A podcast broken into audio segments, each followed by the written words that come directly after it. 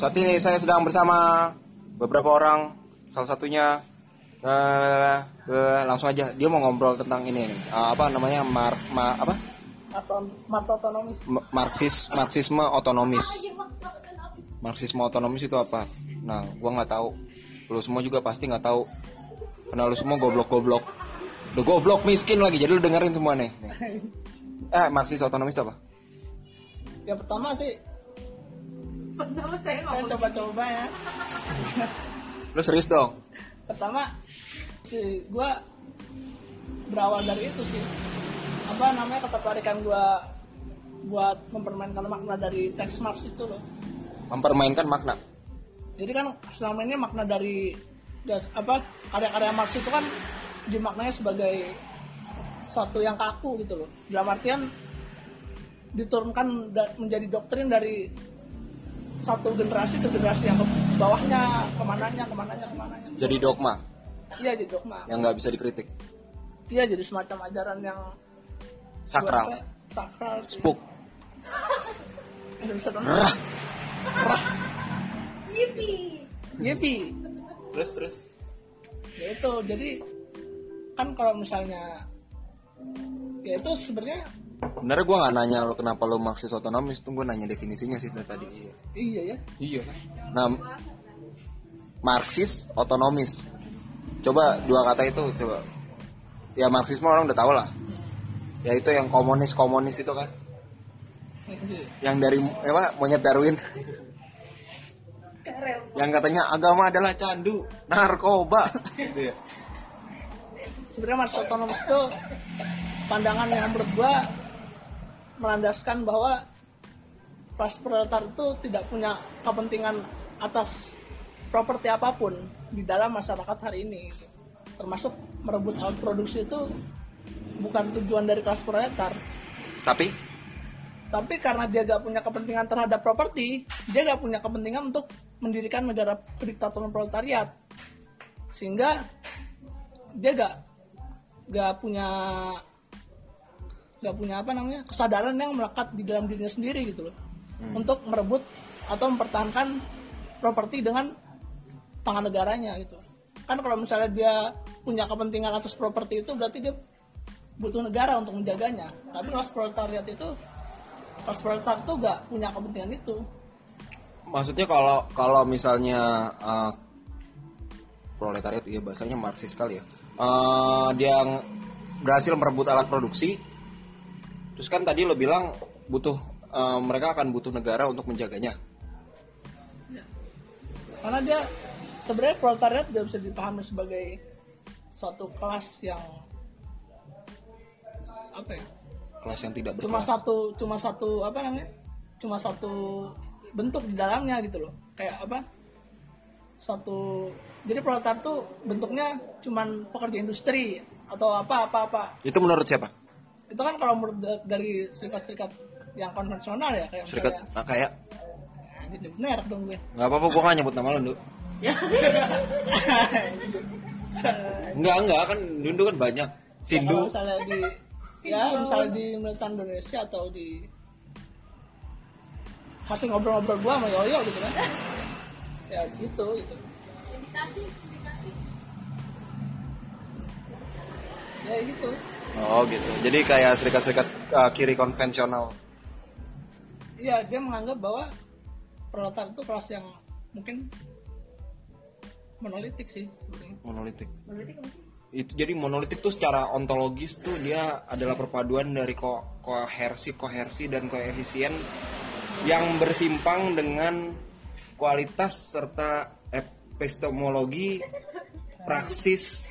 Kayak Vicky Prasetya lu oke oke oke oke Oke oke Ah itu kan maksud ah, otonomisnya di mana?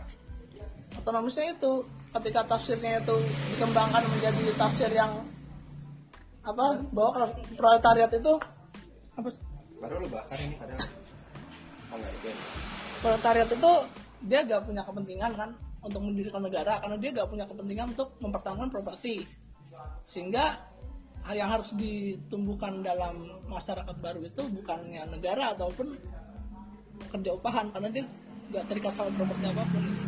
Ini apa bedanya sama apa ya? Kok terdengar uh, cukup nihil ya? Oh iya ketahuan saya. Ada hubungannya nggak sih? Maksudnya kan nggak perlu merebut alat produksi menurut lo terus sebenarnya mau ngapain? Kalau gue lebih setuju sih pengurangan waktu kerja. Sehingga pengurangan waktu kerja itu berarti berarti nggak usah merebut alat produksi terus biarin aja. Jadi tuntutan terima upahan. Bukan gitu. tuntutan sih maksudnya isu yang bisa dibawa hari ini kan gue rasa masih relevan isu apa? pengurangan waktu kerja itu. Pengurangan waktu kerja. Nah, jadi untuk mengurangi waktu kerja itu kan punya dampak banyak salah satu dampaknya. Itu kan Amin. jadi gue coba gue ingin lagi berarti uh, nggak nggak nggak ada tujuan untuk merebut alat produksi? Iya. Jadi alat produksi itu tetap dimiliki sama bos gitu? Pada waktunya nanti akan hancur gitu kepemilikan pribadi itu. Ketika alat ketika waktu kerja dikurangi dipangkas karena waktu kerja kan waktu kerja itu kan apa namanya tadinya kan 8 jam nih misalnya di Indonesia ya. Dia dipangkas jadi 4 jam misalnya berhasil menangkan tuntutan 4 jam waktu kerja. Itu akhirnya menstimulasi bahwa aduh itu akhirnya merangsang kelas kapitalis borjuis untuk mengembangkan teknologi lebih maju. Ketika atau menggunakan lebih banyak tenaga kerja. Ya menggunakan tenaga kerja juga lebih banyak. Jadi mempertajam itu mempertajam apa namanya lahirnya masyarakat baru itu teknologi yang semakin canggih karena di kritik apa ya di program Gota atau di kritik ekonominya Marx itu dia berbicara bahwa tolak ukur masyarakat komunisme itu tidak hanya diukur dari perkembangan politik atau perkembangan ekonomi politik gitu, tapi juga perkembangan ilmu pengetahuan alam, iptek. Oke. Terus eh, apa lagi ya? Ah, oton otonom otonomisnya itu benar. Otonomisnya itu maksudnya gimana? Otonom apa autom apa Otonom. aut kan ada yang ot- auto ada yang otomatis ada yang otonom kan beda tuh kan artinya kan beda beda kan artinya jangan lagu gagal itu so so- nih, terus Ya kalau menurut gua letak otonomisnya itu hiraukan.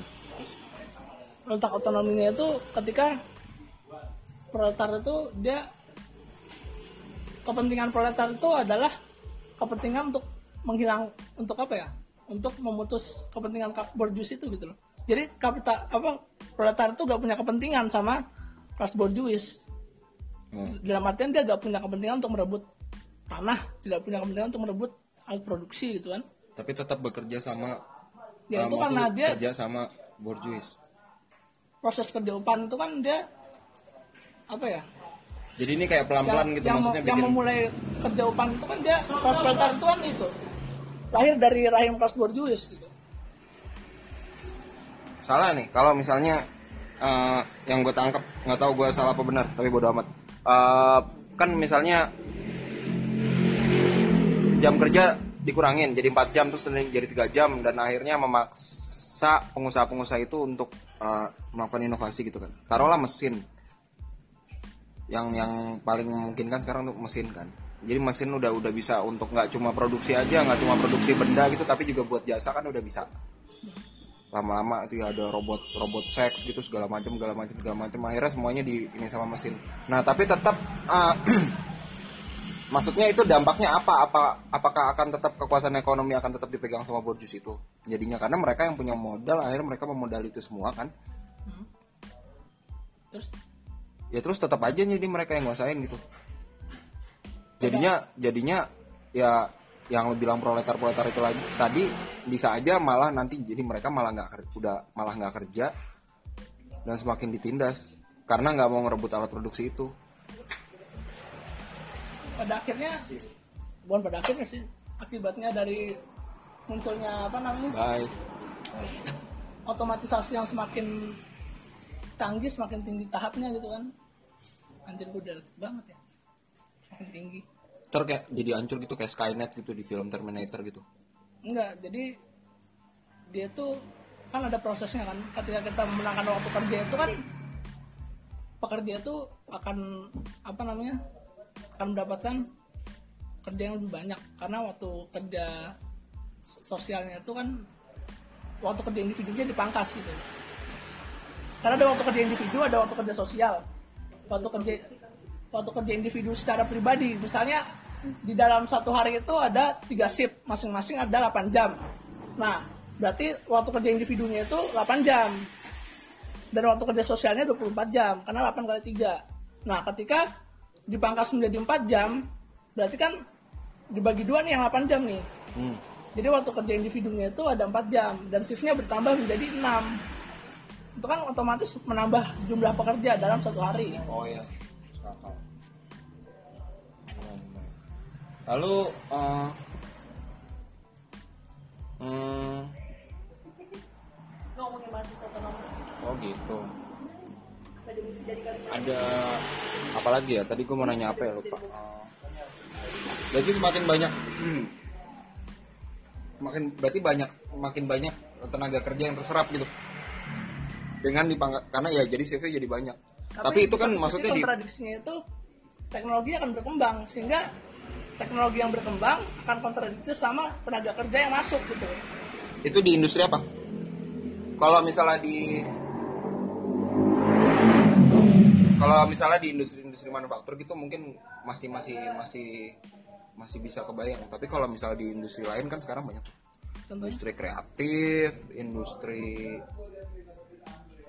yang lain-lain industri kreatif deh gitu. Itu mereka kan sebenarnya jual jasa gitu. Ini nggak pakai shift-shiftan itu. Kantor tutup ya tutup, ya orang kantoran deh. Misalnya dipangkas jadi 4 jam. Hmm. Jam operasional kantor tuh 4 jam. Gak tahu tuh direkam jam operasional kantor Hmm, 4 jam. tapi kan dia membutuhkan inovasi teknologi mau gak mau sih kalau kata gue Tapi apa mungkin gitu?